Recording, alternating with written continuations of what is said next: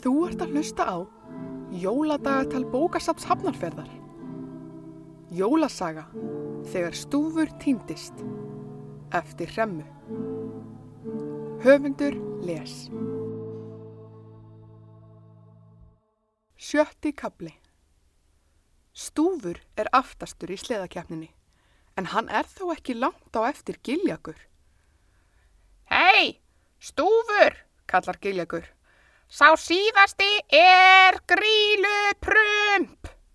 Hann hlær hátt af brandarnum sínum, svo hátt að hann tekur ekki eftir stórum snjóskabli beint framundan. Sleðin festist í miðjum skablinum, giljagur þeitist hátt upp í loft og lendir með rassin djúft ofan í snjónum. Stúfur trúir varla eigin hefni.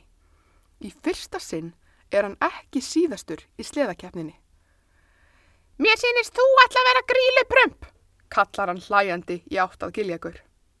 Stúfur rennir sér áfram, einbyttari en nokkru sinni fyrr. Hann er alveg að ná pottaskepli þegar skyndilega kemur öflugu vindkviða. Stúfur sem er svo ofbóðslega léttur fíkur með vindinum hátt upp í loft. Hann missir takið á sleðanum og sér hann splundrast í marga búta langt fyrir neðan sig. Stúfur fíkur herra og herra, burt frá bræðrum sínum og burt frá gríluhelli. Stúfur heldur dauða taki í húfuna sína og lokar augunum.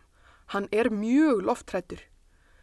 Kanski er þetta bara martröð, hugsa Stúfur en hann veit vel að þetta er ekki draumur.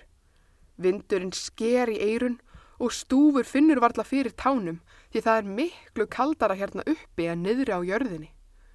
Stúfur opnar annað augað, ljósið frá gríluhelli er lungu horfið og nú sér hann ekkert nema myrkrið fyrir neðan sig og skíin fyrir ofan sig. Stúfur lokar aftur auganu og fíkur áfram hátt upp í loft líkt og löfblaði í vindi.